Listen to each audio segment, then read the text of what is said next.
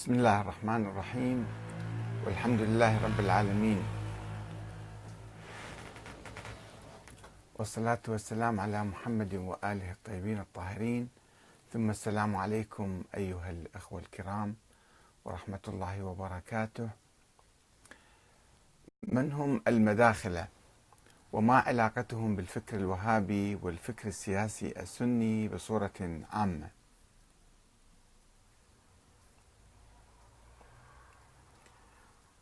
من هم المداخلة أو الجامية وما علاقتهم بالفكر السياسي السني بصورة عامة.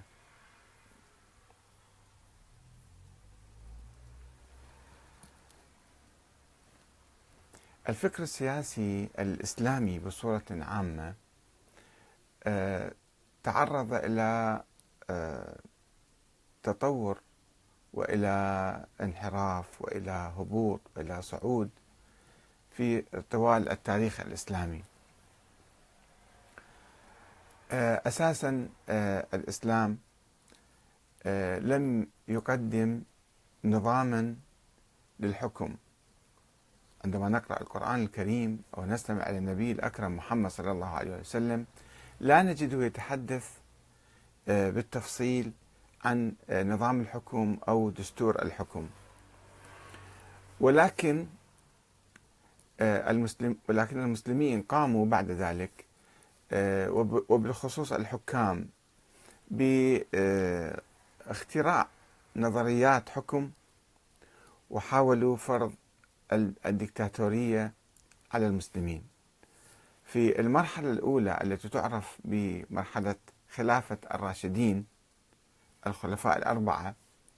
كان الفكر السياسي يميل إلى الشورى أو يعتمد على الشورى. ولو كان كانت هذه الشورى فيها يعني بعض الأخطاء أو بعض النواقص ولكن عموما كان الحكام المسلمون الخلفاء الأربعة يعتمدون في مجيئهم إلى السلطة آه، على على الشورى وعلى مبايعة الناس لهم طوعا وليس كرها.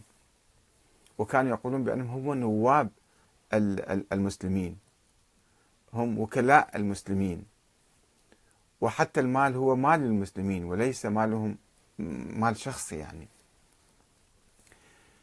آه، وعلاقتهم كانت طبيعية مع المسلمين. ولكن بعد ذلك عندما جاء الأمويون إلى السلطة فرضوا سلطتهم بالقوة والإكراه. وطالبوا المسلمين بالطاعة المطلقة لهم. وكان هناك تيارات إسلامية تعارض ذلك.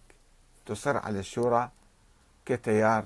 الإمام أبي حنيفة أو المعتزلة عموما